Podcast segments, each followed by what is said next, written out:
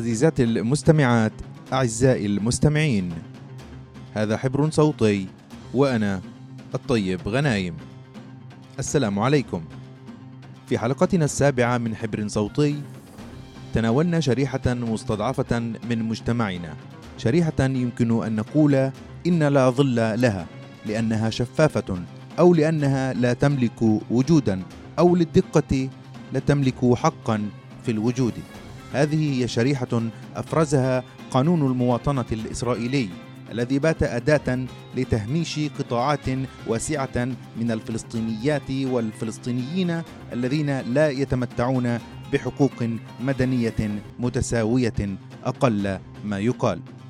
عن المساعي السيزيفية للفلسطينيين في تحصيل ما يتوجب أن يكون بديهيا ضيفتنا في الحلقة السابعة لحبر صوتي هي مسؤولة ملف المتضررين من قانون المواطنة في مركز مساواة لحقوق المواطنين العرب في إسرائيل السيدة أسمهان جبالي. أسمهان صباح الخير. يسعد صباحك. أهلا وسهلا.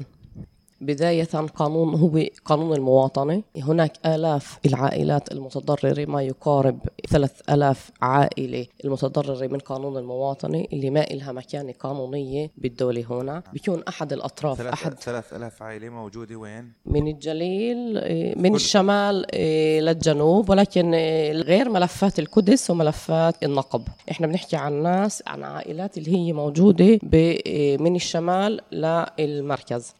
كالتالي العائلات هاي هي متضررة من قانون المواطنة ما إلها مكانة قانونية. بيكون أحد الأطراف أحد الأزواج بيكون من الضفة أو من الأردن. العائلات هاي بيكون أحد الأطراف من فلسطين من الأردن اللي أحد الأزواج يعني يا الأم يا الأبو. وبيكونوا لهم يعني بيتجوزوا بيعيشوا بيكونوا تحت طبعا هاي العائلات هي تقع تحت خط الفقر من ناحية اقتصادية وضعهم الاقتصادي. قبل لا نفوت لوضعهم المادي والاقتصادي خلينا نتحدث عن المكانة القانونية لهذه الشريحة. من الفلسطينيين الذين يسكنون داخل دولة إسرائيل ولا يستطيعون الحصول على مكانة متساوية المكانة تعيتهم ما إلهم مكانة محددة وواضحة نعم. في الدولة. هاي العائلات كل عائلة في إلها إيه، معاها نوع تصريح معين.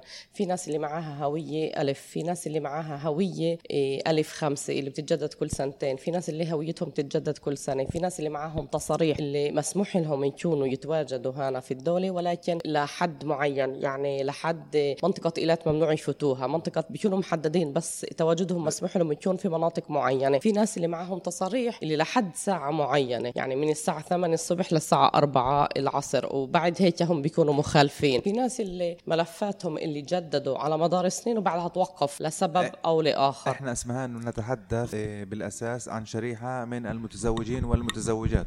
صحيح. مزبوط صحيح. وأبنائهم طبعا. هذول عائلات اللي الأبناء اللي في عندك عائلات اللي أبنائهم 20 سنة 18 اللي فوق 18 سنة أبنائهم. فبتكون الأبناء في معاهم هويات والإم معهاش. أو العكس الأبناء في معاهم هويات والابو معوش الأم والأبناء معاهم والابو معوش. فمش شرط يعني ما نقدرش إحنا نحدد عدد سنين يعني هاي عائلات اللي هي متواجدة هنا اللي عندها أولاد في استمرارية لحياتهم ولكن تحت ظروف اللي هي عنصرية. يعني بسمح لنفسي إني أحكي عنصرية لأنهم المعاناة تعيتهم معاناة يومية. من هذا القانون. هو مش قانون هم كل سنة بيجيبوه على الاملاء بالكنيسة. بالكنيسه نعم بيتم التصويت عليه بالضبط. فهو مش قانون بعده مش قانون بعده نعم بيجيبوه لا يزال تحت بند الطوارئ. صحيح. إيه للأسف من 2003 تم دمجه تم دمج القانون من ناحية انهم يعني بإدعاء من الدولة إنه بيهدد أمن وأمان الدولة. نعم. بما إنهم هم ربطوا الموضوع بالإرهاب ربطوا الموضوع في بالجانب الأمني. بالجانب الأمني. وهذا اللي هيك أدى لصعوبات في ملفات العائلات هاي بقضايا العائلات هاي. كمسؤولة لهذا الملف ملف المتضررين من آه، قانون منع لم الشمل قانون ما يسمى بقانون المواطنة. كيف آه، تتابعون من مركز مساواة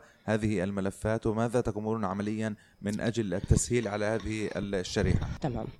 إيه، مركز مساواة على مدار السنين برافق هاي العائلات إحنا بنرافق هاي العائلات بعدة أطر لعدة أهداف ولعدة أسباب. ممكن من هون إحنا نتوسع أزود شوي هيك لنوضح الصورة كما يجب ونشوف نسلط الضوء بالأحرى على معاناة هاي العائلات. العائلات هاي إيه، بتعاني من عدة أمور بداية عشان هي تجدد ويكون مسموح لها إيه، الإقامة لمدة سنة لمدة سنتين كيف هم إيه، الداخلية بتقرر لهاي العائلة المدة المسموح إنها تتواجد فيها عشان هم يتواصلوا مع الداخلية. بقدر أنا أجيب مثال للتوضيح. إحنا منطقة المثلث تابعين للداخلية اللي موجودة في نتانيا. مدينة نتانيا في مدينة نتانيا. عشان يروحوا ويحددوا دور في مدينة نتانيا قبل عدة سنين كان التلفونات كان تشحن تعبي بطاقة تعبي نعم. كارت. فهناك لما تروح أنت هناك بعطوك رقم اللي هو نجمة اثنين نجمة ثلاث أرقام. أنت بترن بترن بترن بترن فيش ما حدا بيرد عليه هسه حاليا في هاي خلال سنتين كيف بدك تحدد موعد بتروح هناك على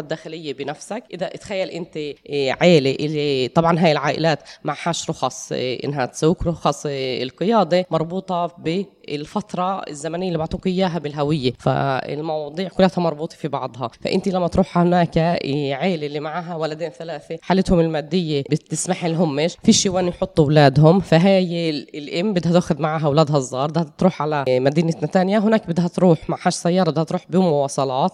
كلته مكلف. هناك أنت من الثمانية للثمانية ونص لازم تطلع عندهم على الدرجة انه الحارس اللي على الباب يعطيك نمرة. بعدها عشان تفوت جوا الموظفة تتجاوب معك إذا صارت الساعة قطعت الساعة 8 ونص وانت بعدك مش عارف تاخذ النمرة. هي بدها تروح وبدها ترجع ثاني يوم. فهي التعجيزات هي التعجيزات. يعني مسلسل تعجيز عمليا أمام شريحة المواطنين هذه اللي هي عمليا مجردة من الكثير من حقوق المواطنة. صحيح. بضيف لهيك إيه، قدروا إنهم يعملوا. في هناك إيه، بعطوك بند أو شرط تعطي نحكي اللي هو كمان هو شرط تعجيزي إنه انت لازم قبل المدة المحددة اللي أعطوك إياها لسنة انت لازم قبلها بشهرين تكون محدد دور. هلا لما انت قبل شهرين ونجحت إنك توصلهم ورحت في الوقت اللي, اللي بكير بكير طلعت مع العمال من الفجر من ساعات الفجر الباكر وهيك وصلت وكله كله تمام. هناك وين بعطوك. إذا بيكون عندك تاريخ الانتهاء لحد نحكي 9 2 أنا هيك آه. تاريخ اللي كمثال. ل 9 2 بعطوكش الدور ب 8 2 ما بيحددوا لك 8 2 قبل بيوم إنك أنت مسموح لك تتنقل. بالعادة وعلى الأغلب و90% من الحالات بعطوهم الدور بعد 9 2 بأربع خمس أيام. الاربع خمس أيام هذول أنت بتكون بخطر.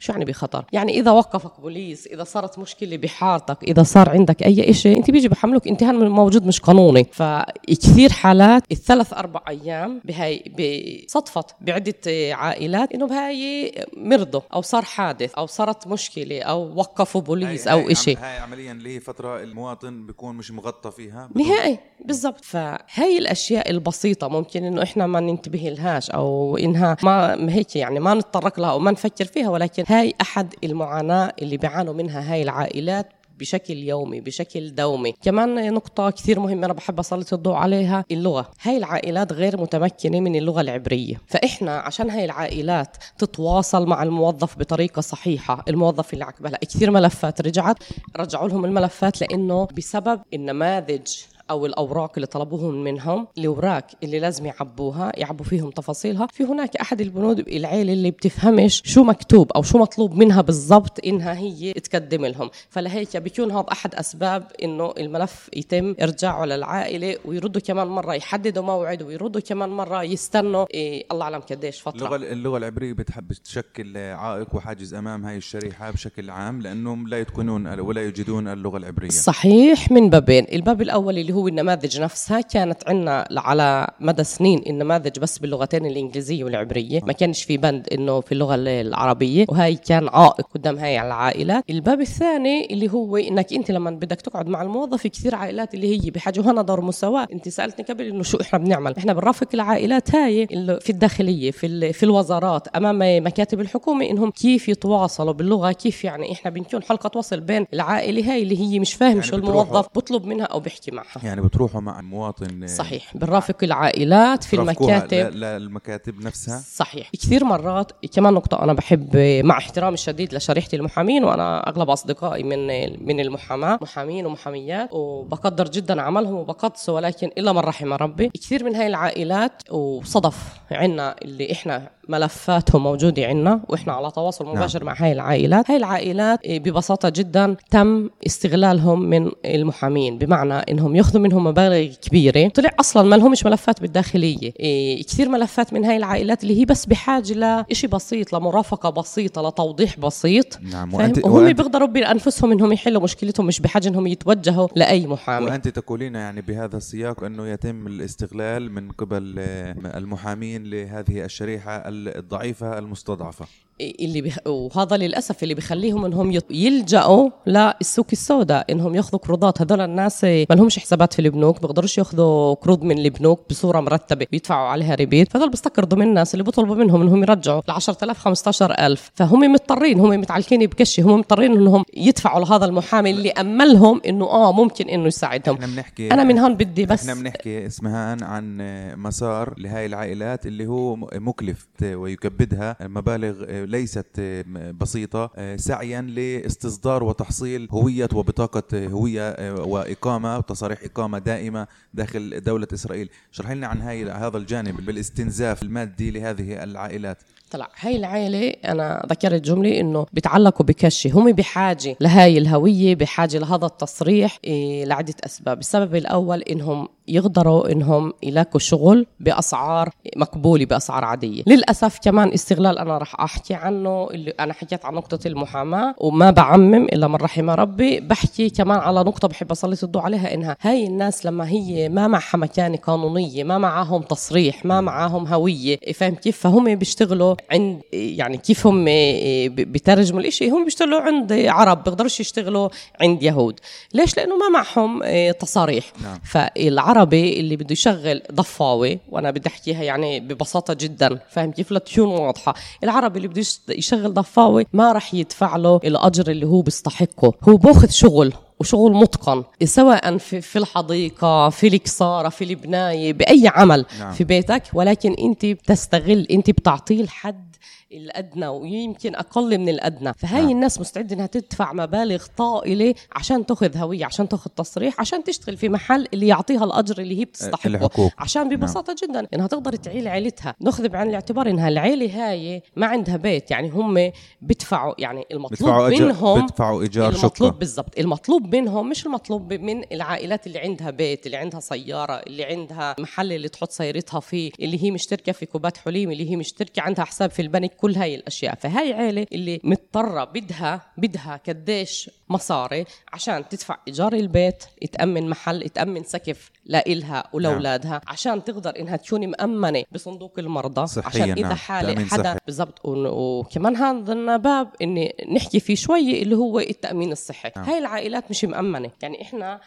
مباشرة الزوج إذا بيشتغل مباشرة بتكون زوجته وأولاده مأمنين. حسب نعم. يعني تابعين لإله. في تلوش مسكور التعي وهم العيلة تابعة لإله للزوج. نعم. بتكونوا مأمنين. ولكن هاي العيلة هم ما معهم مكانة قانونية فهم مش مأمنين. نعم. فالتأمين الشهري لا كوبات حلي لا صندوق المرضى، المرضى نعم. بيكون مش أقل من 500 شيكل شهريا. سواء أنت رحت تعالجت ولا ما تعالجت أنت بدك تدفع يتوجب دفع هذا وناخذ المبلغ بعين شهريا. الاعتبار. حتى العيلة اللي هو عمليا دفعت. عمليا مبلغ مش شوي مش بسيط. قليل لهي العيلة. لا.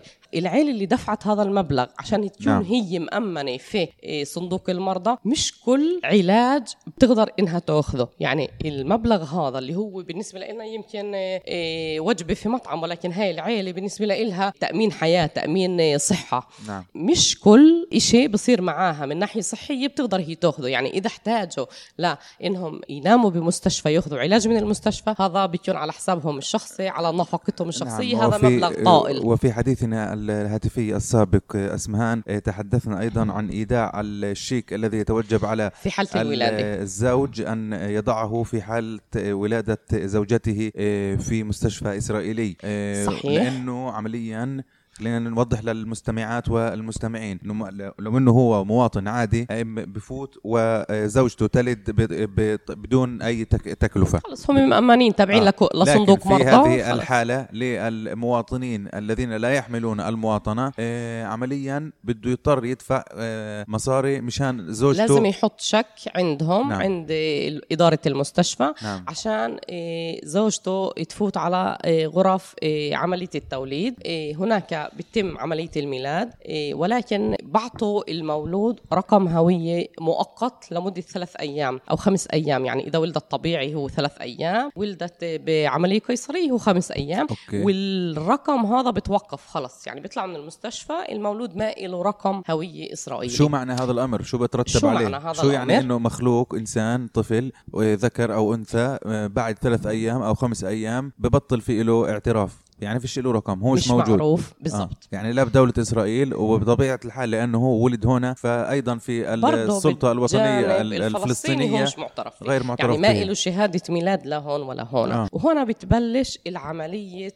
إيه عملية إيه ما بدي أحكي الإبحار عملية السباحة بالمحيط بمعنى إيه هنا بتبلش معاناة العائلة. وممكن الإشي ومش ممكن. على الأغلب بيستمر لحد جيل الثلاث سنين. بضلهم بمدوا جزر إنه بدنا نسجل بدناش نسجل بطلبوا من الزوج إنه يجيب نموذج له رقم محدد اللي نعم. هذا النموذج لازم يحساب الزوج إذا إذا الزوج من هون هو إسرائيلي والمرأة فلسطينية بنطلب من الزوج أو العكس ينطبق على الذكر والأنثى ال- الزوج لازم يكون حسابه إيه، صفر صفر مسكر في التأمين الوطني نعم. اللي هو لازم يكون من جيل 18 دافع كل المستحقات المطلوبة منه للتأمين الوطني هن عندك بفوت إيه، عشان يعطوك هذا يعني عشان يعطوك هذا النموذج للمستشفى بدك تدفع أو كثير. يتم إيه، لازم انت تكون. مرتب ومغطى من جيل 18 إذا لا بدك إيه تدفع كمان شغلة هنا عشان انت تطلع شهادة ميلاد لا ابنك بتوصل لا نصراد ابنين بطلب منك تعمل. وهنا يعني أصعب وأعنصر بند في القانون بطلبوا من هاي العائلة فحص دي إن اي نعم نعم. الفحص هذا عشان تثبت إنهم اولادك فحص الجي- اولادك فحص الجينات نعم. فحص الجينات اللي هو بدك تثبت إنهم اولادك هم اولادك نعم. وهي الصعوبة في الموضوع من عدة جوانب. نعم. بداية الموضوع مهين يعني إنك نعم. تروح أنت وأولادك الأولاد لما يكونوا بجيل إيه ثلاث سنين وأربع سنين الأولاد فاهمين. لما يسألوا شو فممكن إنك يعني لو الولد مريض تحكي له يعني فحص دم عشان إيه سخونة تروح عشان هيك. ولكن أنت يعني شو بدك تشرح لابنك؟ كيف بدك تفسر لابنك؟ نعم عن, ل- عن قانون عنصري إني أنا جاي أعمل لك فحص أنا وياك عشان نثبت للدول إني أنا أمك أنا أبوك. نعم. هاي باب الباب الثاني إنه مكلف من ناحية مادية نعم. الفحوصات هاي بتكلف من 2000 ل 4500 لكل فرد لكل فرد مطلوب من العيلة يعني العيلة اللي عندها أربع خمس أولاد مش فحص آه، جينات واحد اللي بيشمل كل العائلة. العيلة كلها الأب والأم والأبناء لا لكل آه، طفل بح- لحاله فمن ناحية مادية برضه هذا عبء, عبء عبء كبير. كبير على العائلة هاي برد برجع وبكرر إنه إحنا والقانون العنصري هذا هو والمؤسسات الحكومية والمؤسسات المدنية. هي اللي بد يعني هي اللي بتدفع المواطنين أو العائلات أو الشريحة هاي اللي هي نسبة كبيرة من مجتمعنا. الأعداد فوق ما تتخيل. يعني إحنا 3000 هذول اللي, ب... اللي تقريبا إحنا على تواصل. بننتبه هنا لنقطة إنهم في كثير شريحة اللي ما في ثقة بينها وبين الإعلام بينها وبين المؤسسات لأنهم هم غير قانونيين هون تعال نحكي أو بخافوا إنهم يظهروا على الإعلام. فمن هذا الجانب لحظة حط الإعلام شوي على جنب. شو مع مؤسسة هل يوجد ثقة ما بينهم وبين مؤسسات المجتمع المدني مثل مركز مساواة على سبيل المثال؟ إيه. ولا برضه في عندهم تخوف؟ طلع ممكن إحنا إنه آه في عنا عدد كبير مش ممكن إيه على أكيد في عنا إحنا عدد كبير ولكن إحنا تواصلنا معاهم على مدار ثمان سنة على مدار سنين فاهم كيف؟ وسنين متتالية. في عنا عائلات اللي هي بصورة ثابتة بتتوجه لنا إحنا بنرافقها كل سنة. من أحد الأشياء اللي إحنا بنعملها في مركز المساواة إيه جلسات دورية مع أعضاء الكنيسة سواء كانوا عرب ولا سواء كانوا يهود على سبة ان إيه نقدر لما نجيبوا هذا القانون على عشان يتم التصويت عليه إنهم يفهموا معاناة هاي العائلات يعرفوا قديش هاي العائلات بتعاني. إيه شغلة ثانية أيام دراسية ال... مركز مركز قبل الأيام الدراسية اسمها مركز مساواة كم ملف في عنده لهي العائلات؟ بقدرش أعطيك عدد اللي هو رقم اللي هو رقم مسكر. تقريبا تقريبا. إحنا إحنا الموجودين يعني إحنا مش أقل من 2000 عائلة. بالشمال نعم. وأزود بالمركز. أزود إحنا عندنا هنا في المركز نعم. عد... العدد أكبر. العدد هون ازود في 2000 المركز عائلة هذا عدد لا, لا يستهان به مش شوي. أكيد أكيد مش شوي. أكيد أكيد. وقديش عدد الطاقم اللي بيعالجوا هاي الملفات؟ أنت كمسؤولة لهذا الملف في آه، مركز مساواة. شوف ال- ال- القضية مش قضية قديش ناس تقدر تحتوي وتوجه هاي الناس. ممكن شخص ممكن طاقم ممكن مركز لا لأنه ممكن هاي هاي الملفات. تت- تتطلب مجهودا كبيرا يعني. أكيد أكيد. الناس هاي بحاجة بداية وممكن هان أنا أحكي هيك موقف صار معنا ومن هون أنا بوجه تحية كبيرة ل هلأ كان هو معنا بالطاقم أمير طعمة اللي رافقني على مدار أربع خمس سنين. كنا إحنا سوا. هلأ هو توجه لامريكا لدكتوراه في العلوم السياسية. طبعا نعم. أنا بحكي له صباح الخير وشكرا كثير. جدا بنقدر إحنا كعائلات جدا بنقدر دوره ومرافقته اللي كانت معنا نعم نعم. فأحد المواقف كانت إنه كنا في جلسة إيه، مع عند عضو كنيسة وكان معنا ما يقارب العشرين عائلة. فبلشت تحكي واحدة من النساء عن قضيتها فعضو الكنيسة قاعد على كرسته ولورا فبحكي لها لا لا لا انت على الفاضي يعني. إنه خلص فهيك كيف هي الصدمة؟ فاهم؟ كيف هيك شو يعني؟ شو شو ماله إنه لا يعني إنه انت هذا الملف مرفوض يعني تحاوليش أو إنه فيش آه فيش مجال للمساعدة. نحكي عن عضو كنيسة عربي ولا يهودي؟ عربي.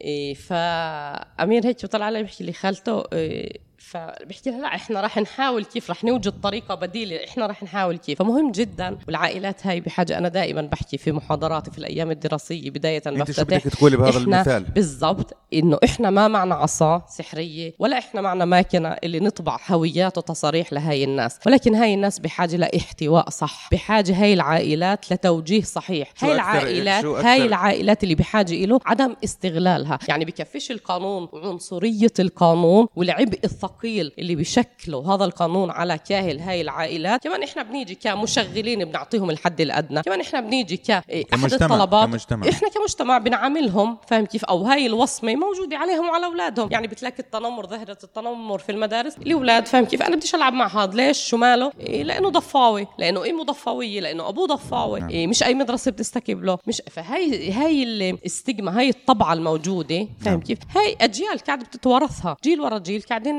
بتوارثوا هاي الصفة. نعم وإحدى الإشكاليات الكبيرة التي تواجه هذه الشريحة اسمها أنه عمليا عدم قدرتهم على تلقي الخدمات سواء من البلدية سواء يعني اللي ذكرت قبل قليل قضية المدرسة. إذا بدهم يسجلوا في مدرسة عن طريق البلدية لا يمكن للبلدية أن تسجلهم لأنه بيروقراطيا يجدون صعوبة هائلة بسبب عدم انتسابهم رسميا. طلع. أنا هنا هون الموضوع سلاح ذو حدين. في عندك سلطات محلية اللي ما بتعطي خدمات نهائي ولا بأي شكل من الأشكال. ولا تتعاون. هاي ولا تتعاون مع هاي الملفات نعم. لأني حكيت لك يعني بعد من ال 2003 سنه دولي نفسها الحكومة نفسها ربطت هذا إيه القانون, بالجانب الأمني بالجانب نعم. الأمني إيه اللي بخص الدولة ففي عندك إيه مجالس محلية سلطات محلية اللي ما بتتعامل في الموضوع وفي عندك مجالس محلية لو بدها تدعم ولكن بيكون بشكل جزئي أحد الطلبات المطلوبة أحد يعني أنت لما تروحي تجدد في الداخلية بيطلبوا منك عدة أوراق أحد نعم. الأوراق المستندات المطلوبة من هاي العائلة العائله انك انت تجيب من بلدك من البلد اللي انت ساكن فيه من المجلس المحلي ورقه إيه، عليها ختم انك انت ساكن في هاي البلد. تسكن في هذه البلدة. لما تروح انت على المجلس المحلي عشان تاخذ هذا المستند هناك انت مطلوب منك كمان عدة أوراق اللي هي نعم. عقد زواج إيه، إيه، تأجير من صاحب المنزل اللي انت مأجر عنده. نعم. أحد الأشياء إنه يكون حسابك صفر صفر في الجباية. نعم. وهنا للأسف راح أحكي كمان شغلة اللي هي بتوجه بترجع اللي مك... يعني من سنتين وسند هسه في هيك اللي بيكون في عقد اللي بيكون موضح في كل البنود ولكن على مدار السنين هاي العائلات عانت من المستأجر. بمعنى أنا باجي بأجر عندك بيت. نعم. أنت شو بتعمل؟ بت... بتحط الضريبة والمية على اسمي والكهرباء على اسمي. أنا بأجر عندك سنة سنتين بطلع من عندك. أنت بتنكلش ال... بترجعش ال... ال... الضريبة والمية على اسمك أنت. نعم. بضلين على اسمي. أنا بطلع على بيت ثاني والديون بتتراكم على اسمي. أنا لما بحتاج الورقه هاي وبرجع على البلدية أنا بيكون عندي دين اللي هو مش أنا عملته مش أنا استغل. كمان هاي نقطة اللي بيتم استغلال هاي العائلات بصورة يعني أعتذر على التعبير ولكن بصورة جدا مهينة وحقيرة يعني. بتحجم أو بتزغر وبتضغط العائلات أضعاف مضاعفة. فكمان هاي النقطة اللي هي بيعانوا منها بيعانوا منها من السلطات المحلية بيعانوا منها من المستأجرين. نعم. كثير عندك ناس اللي موجودين إذا بدي أحكي مثلا أخذ مثال بكلانسوي كثير عندك نسبة اللي هم مستأجرين يعني بيكون الزوج من الضفة الزوج الزوجة من جسر الزرقاء الزوجة من جت من أي بلد فاهم كيف؟ بس هم مأجرين في كلنساوي يستأجرون في ليش كلنساوي م... إيه؟ بتيجي عندك السلطة المحلية في كلنساوي بحكي لك يعني أنا لا الزوج ولا الزوجة من عندي من كلنساوي من سكان كلنساوي ليش أنا بدي أعطيهم من خدمات البلد من خدمات البلدية؟ وهيك ينطبق على عدة بلدان. لحظة بس بهذه الحالة هو لا يتوجب عمليا على بلدية قلنسوة تقديم الخدمات لهذا الزوج اللي الزوجة من الضفة والزوج من مدينة أو بلدة أخرى؟ الأمر إيه، الأمر هنا- شائك مزبوط هنا هنا بالضبط هنا يعني بتقدرش انت تيجي تحكي لرئيس سلطة محلية اسمع إيه، بما إنه مأجر هنا فهو بده يعني ممكن إنه يتعاطف أو يتعاملوا معاه على الجانب الإنساني تاعتا نحكي يعني جزء 10% من كيف بس إيه، سلطة محلية. وإحنا بنعرف وضع السلطات المحلية وإحنا بنعرف وضع المجتمع العربي في نعم. الدولة. ف- فبقول لك يعني هذول عبء هذول حمل أو عبء إيه، على عاتقي أنا يعني على ظهر نعم، البلد يعني اللي وفقاً أنا موجود فيها يعني. أنا كرئيس مجلس محلي أنا بصعوبة عارف أحصل ميزانيات لبلدي عارف أنا أوفر خدمات لسكان لأهل بلدي. فأنا هذول عائلات اللي هي فوق بس بنخ... بتطلعوش على الموضوع إنها هاي العائلات. كمان هي بتنعش اقتصاد بلدك يعني هي ساكنين هنا مأجرين هنا هم مستعملين مي دافعين حق مي دافعين ضريبة. إيه، هم بيشتروا يعني بيستعملوا أشياء إيه، اللي أولادهم في المدارس مسجلينهم في المدارس. فكلها يعني الموضوع مركب الموضوع مركب وأنا ما بلقي اللوم على المؤسسات أو على المجالس المحلية. ولكن اللوم إنه يمكن هو مش لوم ولكن إحنا بنحب نسلط الضوء على قديش القانون هذا هو عنصري وهو عبء وبعرقل حياه العائلات هاي. شبه عرقلة يومية. عرقل يومية وعلى ال- يعني آه، على المدى القريب والبعيد. يعني على سبيل المثال للحصر اسمهان أنت نفسك لا تزالين منذ أكثر من عقدين منذ أكثر من عشرين عاما لم تنجحي بتحصيل المواطنة آه، صحيح. في دولة إسرائيل آه، برغم من آه، وجودك أو زواجك في مدينة الطيبة منذ أكثر من 20 عاما وأولادك فوق ال 18 سنة صار أعمارهم. صحيح. مش بس هيك أنا مش بس بتجوز إيه، شخص من الطيب اللي هو بيحمل الهوية الإسرائيلية ولكن أنا إيه، انولدت هنا. آه نعم. أنا نعم. لأم وأبو اثنين. أم وأبو اثنين من الضفه معهم الهوية نعم. الخضراء ولكن لهم من سكان الطيبة إيه، 68 سنة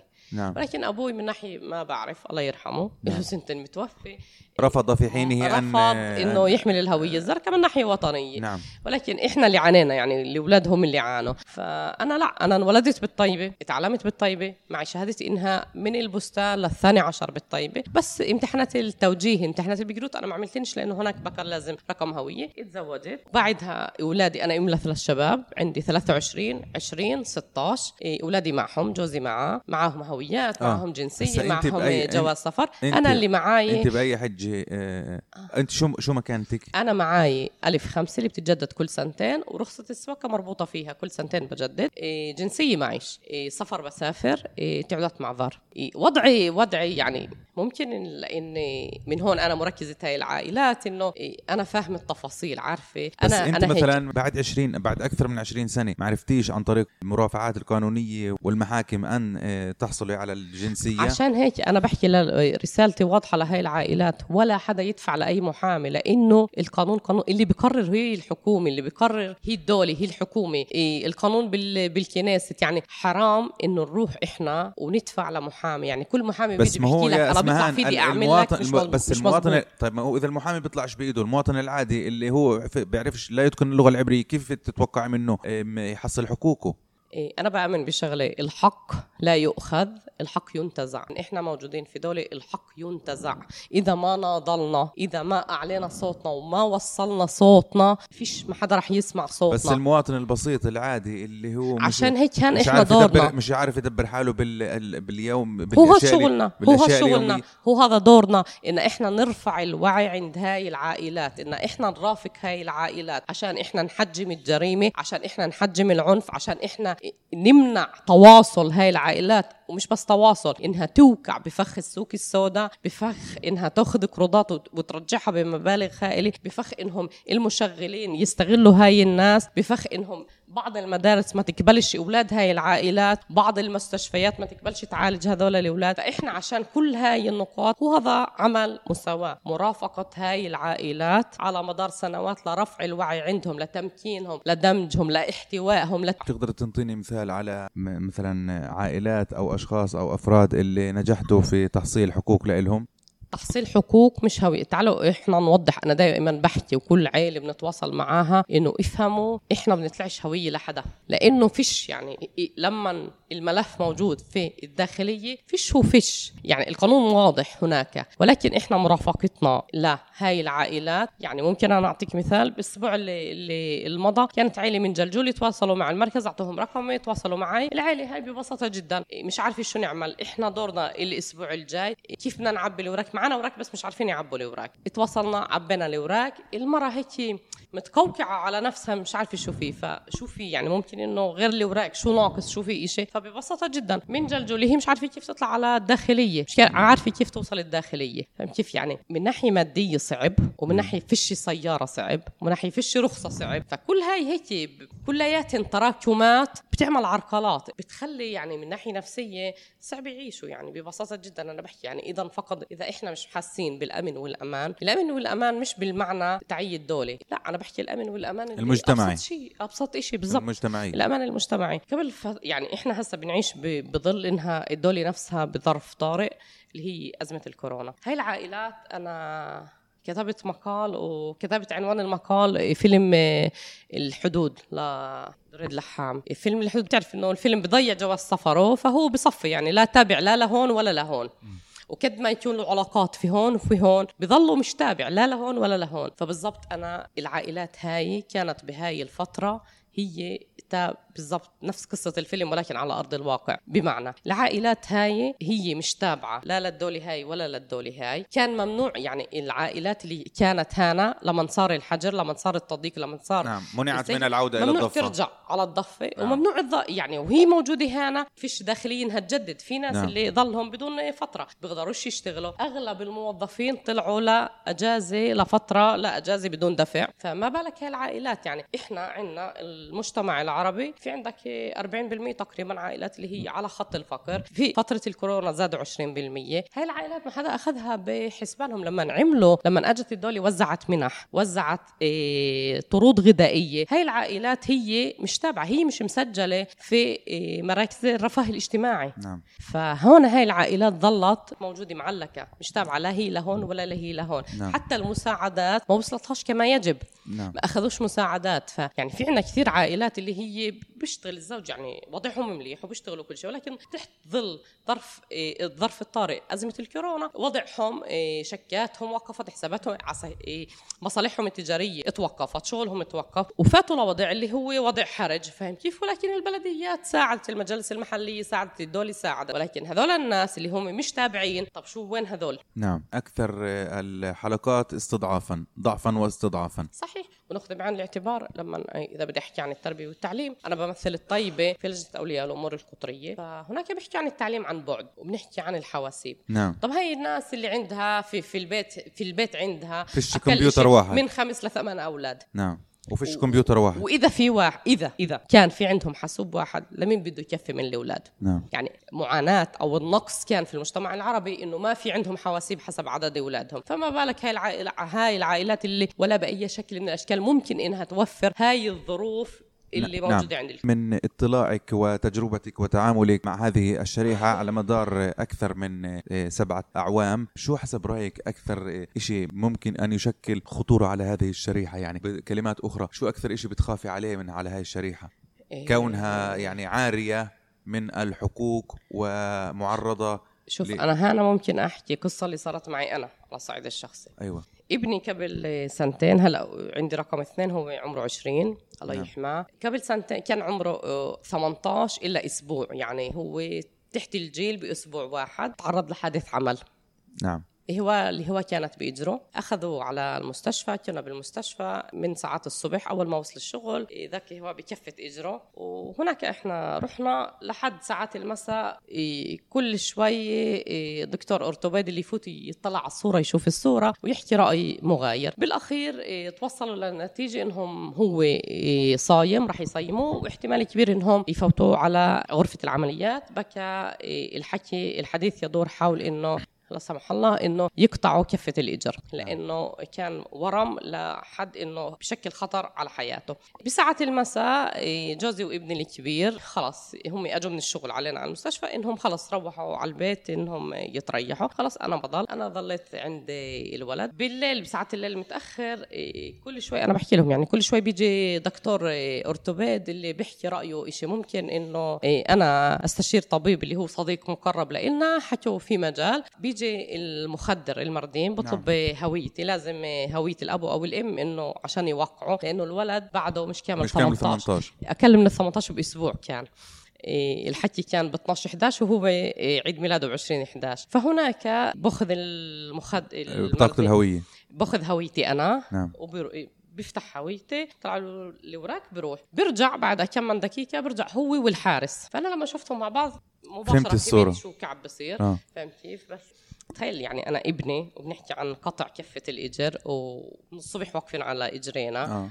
و... طيب وشو رجع طيب يعني أنا الحارس. أنا أنا معيش معيش قوة إني أقعد أجادل فيه قانونا ومش قانونا وكل آه. هذا. ليش راح جاب الحارس وليش اجى أحد الأشياء أنت هنا أنا جبت لك إياه مثال على سؤالك. أحد الأشياء اللي هاي العائلات بتعاني منها وممكن إن هاي العائلات ما انتبهت لهاش. يعني أنا نعم. عندي ابني الكبير 23 سنة وهذا لي والثاني 18 سنة وأنا مش منتبهة لهاي الموضوع. ليش اجى إني أنا ما إلي مكانة قانونية. أنا بقدرش أمضي بقدرش أوقع على يعني أنا مش أبو على ابني. آه مش وصية. أنا مش وصية على ابني. نعم. فأحد الأشياء يعني هدفي وأنا مرافقتنا لهي العائلات رفع الوعي. اعرفوا شو إلكم وشو عليكم. يعني أنا يعني تخيل أنت الوضع اللي أنا فيه فاهم كيف إنه؟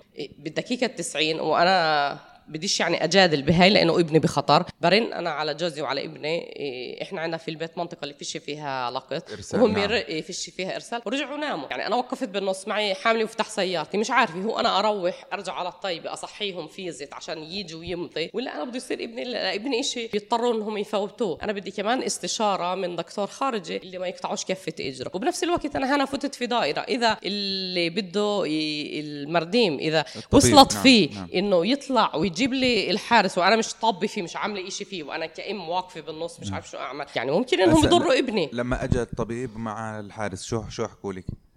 اني لأني أنا بقدرش أنا مش بضرب ابني بقدرش أوقع آه. ممنوع. آه. ليش؟ لأنه أنا ما لي مكانه قانونيه لا يحق لي إني آه. أوقع نعم. فكمان شغلة إنه حتى إذا مثلا ابني الصغير بده يجدد جواز السفر نعم. إيه أنا بقدر بتعرف مطلوب منك في الدائره نعم لحد 18 عام إنه أحد الأهل إنهم هو اللي يوقع نعم. أنا بقدرش أوقع نعم. فهي كمان نقطة فأنا اللي بدي أنا بآمن بشغلة المعرفة قوة هاي العائلات لما تعرف كل هاي التفاصيل يعني إحنا هدفنا الأسمى هدفنا الأعلى مش بس مرافقة هاي العائلات رفع الوعي عند هاي العائلات. رفع الوعي بهدف تحصيل الحقوق مزبوط؟ بالضبط أكيد. نعم. أكيد أكيد أكيد. لما أنت بتعرف إنك أنت مش אפוטרופוס على ابنك لما أنت بوضع من هالنوع فاهم كيف؟ أنا بخلي نعم. جوزي يروح ليش أنا أفوت في دائرة في بني كاني أحط ابني بخطر ازود نعم. فاهم علي؟ لما أنا بعرف إني أنا مش على الداخلية أقعد ساعات وأنا أستنى. لما يجي الدور يحكوا لي اسمعي أنت بتقدريش توقعي. فمن الأساس لما إحنا بنعرف كل هاي التفاصيل إحنا بنقدم مش على ف... طيب غ... لما انت بتعرف انت اقوى. صحيح. إيه مع اي هل تتعاملون إيه، مع أو تتعاونون مع مؤسسات مجتمع مدني أخرى؟ في في في ملفات اللي عدالة مركز عدالة في نعم. محامين من مركز عدالة اللي آه برافقوا هاي العائلات دائما بتطلع ورقة عمل من مركز مساواة. السنة هاي كمان طلعت ممكن المعلومة عندي مش أكيدة ولكن هاي السنة آه في طلع مكتوب من مركز عدالة على مدار سنوات اللي آه بتوجهوا بيتم التوجه بمكاتب في ورقة عمل في مكتوب نعم. رسمي إحنا ما بدنا يلغوا القانون ولكن إحنا بنطلب بتعديل تحسين بعض البنود في هذا القانون من أجل إنها هاي العائلات تقدر ليش ما بتطالبش بإلغاء القانون؟ إيه طلع أنا بديش هيك إنه يكون عندنا إحنا عارفين لأنه لأنه إحنا عارفين يعني عارفين إنه هذا هذا بالضبط. قانون عارفين لن يلغى قدراتنا طلع أنا نعم. هيك بحب أنا أخلي اجري على أرض الواقع فهمت نعم. كيف وبحبش ازرع تزرع أمل في ناس في عائلات إحنا بنحكي عن آلاف العائلات نعم. إحنا بنحكي عن معاناة آلاف الأشخاص ممكن أحكي لك كمان في عندي عندي قضية في باكا اللي المرأة مرأة كبيرة في الجيل عمرها فوق الخمسين اللي هي ضفة وبعدها ما زالت بتعاني ما إلها مكانة قانونية إيه، واضحة وثابتة هون في الدولة آه، اسمهان تحدثنا حتى الآن آه، بشكل عام عن شريحة آه، عن هذه الشريحة من المواطنين الفلسطينيين الذين لا يملكون آه، جنسية داخل دولة إسرائيل برغم زواجهم آه، وتواجدهم آه، سنين آه، طويلة. آه، هذا كله ولم نتحدث عن الملفات المتواجدة في القدس الشرقية.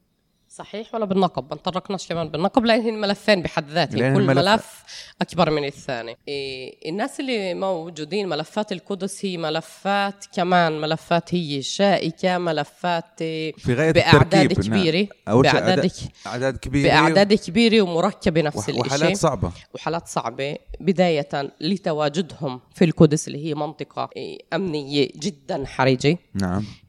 ظروف أصعب من صعبة. ممنوع يرمموا بيوتهم ممنوع يجددوا ممنوع ممنوع. كل هاي الممنوعات ممكن إحنا هيك بنحكيها ممنوع يعني هيك مجرد كلمة. ولكن هذول على- ناس على اللي أرض الواقع، عايشين على نعم. جلدهم فاهم علي كيف؟ والصعوبات طبعا تنتقل من جيل لجيل. إيه، ملفات النقب ملفات أعداد هائلة أعداد مخيفة فاهم كيف؟ والقضايا القضايا بتوجع. يعني في عنا حالة بالنقب اللي هي المرأة كانت بدها إيه، بحالة إيه، ولادة عملية بلشت في إيه، عملية إيه، الولادة. وهناك فيش جوزها ما عرفش انه يجيب لهم الشك المطلوب منه فماتت المرأة والجنين. كانت حامل في بنت. ف... لحظة يعني وين ماتت؟ في المستشفى ولا لم تدخل لا لا في المستشفى؟ المستشفى وهي تستنى يعني ما فوتوها على غرف الميلاد. وتوفت. هاي وين صارت الحالة؟ إيه ثلاث سنين.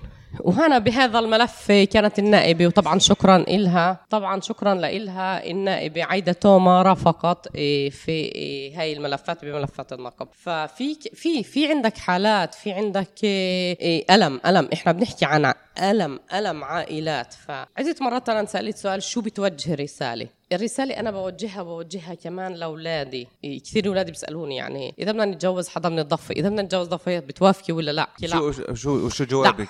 جوابي لا. ليش؟ أنا بسبب, مع- بسبب المعاناة؟ أنا أنا مع حرية الاختيار.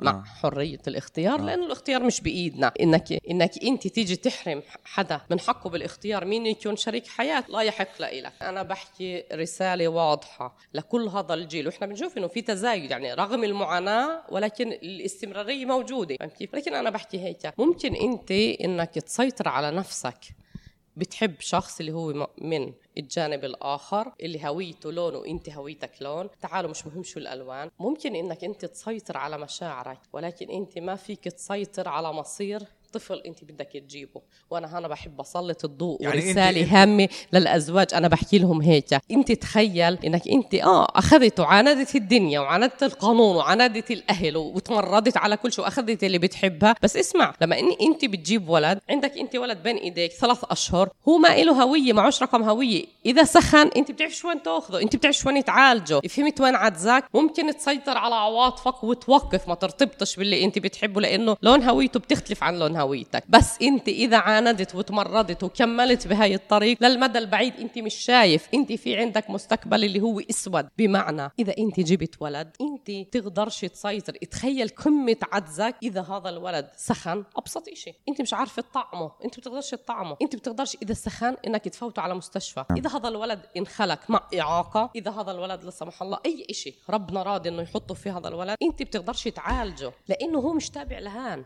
هو ملوش هوية. فعشان هيك رسالتي لهذا الجيل الجديد سيطر على مشاعرك لأنك بتقدرش تسيطر على حياة ومستقبل طفل صغير. لازم نكون إحنا وهذا هدفي ورسالتي خلال على مدار السنين لمرافقة هاي العائلات. تعالوا إحنا نوقف نوقف مش ألمنا إحنا نفسنا لكبار العائلات ألم أولادنا. ألم الجيل هذا الصغير اللي قاعد بيطلع عن طريق اللي عن, ملوش طر... عن, عن طريق عن عن طريق طريق- عدم عدم التواصل. عن طريق آه. آه يعني ببساطة جدا إذا ابني بده يجيني بعرف شو. ومعهاش هوية نفس لون هويته بحكي لا أنا أعترض. ليش؟ لأنه تعال تفضل. أنت بتقدر إنك تعاني بتقدر إنك أنت تبلش مع شر... أنت مش رح تتمتع مع الشريك اللي انت اخترتها لأنه ببساطة جدا القانون عنصري عنصرية القانون تحديات تعية المجتمع والعرقلات الموجودة. انت مش قدها انت رح تنسى متعة الحب ما رح تحس ما رح تتمتع أصلا يعني ما رح يسمحوا لك تتمتع. فتخيل انت بعرف شو جد ظرف يعني عمليا الدولة. وأجوا أخذوا زوجتك رجعوها على الضفه لأنه نعم. ما لها مكان قانوني. يعني عمليا القانون انتصر على المجتمع بهذا السياق. لا إحنا نضالنا مكمل مستمر يعني لا ما بسمح لنفسي حتى. يمكن إنه أنا بقول أنا بقول أنا بقول انتصر أنا, آه أنا بقول عندي. انتصر لأنه وحده مثلك إيه تقول هاي التصريح الخطير بعد أكثر من 20 سنة أعتقد إنه هذا يعني تصريح لا يستهان به. إيه طلع. أنا بعرف أنا بحكي. إيه أنا مع حرية الاختيار بس أنا بسلط الضوء رجاء. انتبهوا لشو أنا بحكي. ممكن تسيطر أنت بتحكي عن الثمن. أنت بتحكي عن الثمن. ولكن. أنا بحكي للمدى البعيد. نعم. أنت ممكن هسه تتمتع إنك اخترت صبيه عن... نعم. بتجنن اللي هويتها. اسمع مختلفة. لون أنا مع الاختلاف مع التعددية. وآه اتمرد وخذها. بس انتبهي لشغلة. لما تخلفوا ولد أنت ببساطة جدا جنيت عليه. أنت جنيت على هذا المخلوق الجديد اللي هو مش ذنبه إنه أمه أو أبوه إنه أمه وأبوه كل واحد هويته لون. مش ذنبه هذا أوكي. الطفل.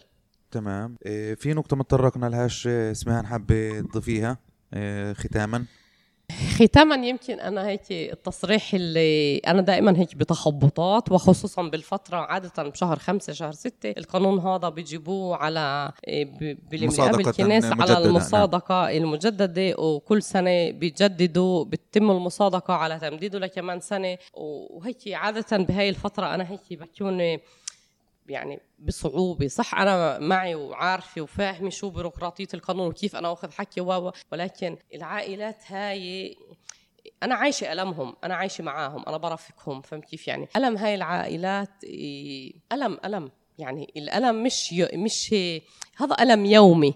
فممكن من هنا أنا أوجه رسالتي وأشدد اللي بحكي فيه بداية المعرفة قوة لما هاي العائلات بتعرف شو حقوقها شو مطلوب منها نعم. كيف هي ممكن تجدد كيف هي ممكن تتعامل ما تروحش بذل للدوائر الحكومية لما هي توصل مركز الرفاه الاجتماعي ويرفضوا لا اعرف انت انك يحق لك انك آه تسجل في مركز الرفاه الاجتماعي. اعرف إنه ابنك مش ذنبه وآه يحق الولد. هو ما اختار إمه وأبوه. إحنا بنختارش مين يكون إمنا وأبونا ولا بنختار لوننا ولا بنختار اسمنا ولا بنختار جنسنا. فعشان هيك هاي الناس هذا الجيل اللي قاعد إيه، بيطلع أولاد العائلات هاي تعالوا إحنا نسلط الضوء عليهم. تعالوا إحنا ناخذهم بعين الاعتبار. وأنا رسالتي آه ممكن ما تعجبش كثير ممكن إنه ولكن من ألم أنا بحكي وأنا مرافقتي لهاي الناس عارفة قديش الألم؟ مرافقة عدة أزواج اللي هم أزواج شابة ولكن عاجزين على إنهم وين يروحوا في ابنهم. وممكن هنا أخرى كمان تتطرقوا وتروحوا أنتم شوفوا على أرض الواقع إذا زوج شاب اللي اجى عندهم ولد اللي عنده بجور أو ولد إيه عنده يعني احتياجات خاصه أو احتياجات خاصة تعال نعم. أنت شوف كيف لما هذا الولد مش عارف إنه يحطه بإطار. ليش؟ لأنه إمه ضفاوي لأنه أبوه ضفاوي لأنه هذا الولد ما إيه مكانة قانونية. عن هذا الألم أنا بحكي. ومن هنا تصريحي اللي بيوجع. ممكن إنه كمان تصريحي ينفهم إنه انهزام أو إنه استسلام ولكن لا أنا ما بستسلم. أنا بحكي الحق ينتزع وبنكمل بكل قوتنا. آه نكمل مشوارنا ونضلنا ندق على الطاولة. كل باب نسلط الضوء على وجع هاي العائلات وعلى حقوقها وعلى كيف تأخذ حقوقها. بس أنا اللي بطلبه إنه انتبهوا. ممكن إنكم أنتم الصلاحية والقرار بإيدين الأزواج الشابة. تعالوا نوقف عشان إحنا نرحم الجيل هذا اللي قاعد بيطلع مع أفكار مسبقة. يعني هو ملزق عليه هاي الوصمة إنه هو ضفاوي لا يحق له الإندماج بالأطر الاجتماعيه بوسطنا العربي بمجتمعنا العربي. نعم. أسمهان جبالي آه، وصلت الفكرة. جزيل الشكر لك. مسؤولة ملف المتضررين من قانون المواطن. أشكرك على هذا الحوار الثري ويعطيك ألف عافية. شكرا كثير لكم شكرا جدا. أنا جدا بقيم كل شخص إنه آه بيتعاون معنا لنسلط الضوء على هاي الشريحة من المجتمع. هذا شكرا هذا واجب. تحياتي لك. يعطيك العافية. أعزائي المستمعين عزيزاتي المستمعات نكون بهذا قد وصلنا إلى ختام حلقتنا السابعة من حبر صوتي. جزيل الشكر لكم على طيب استماعكم.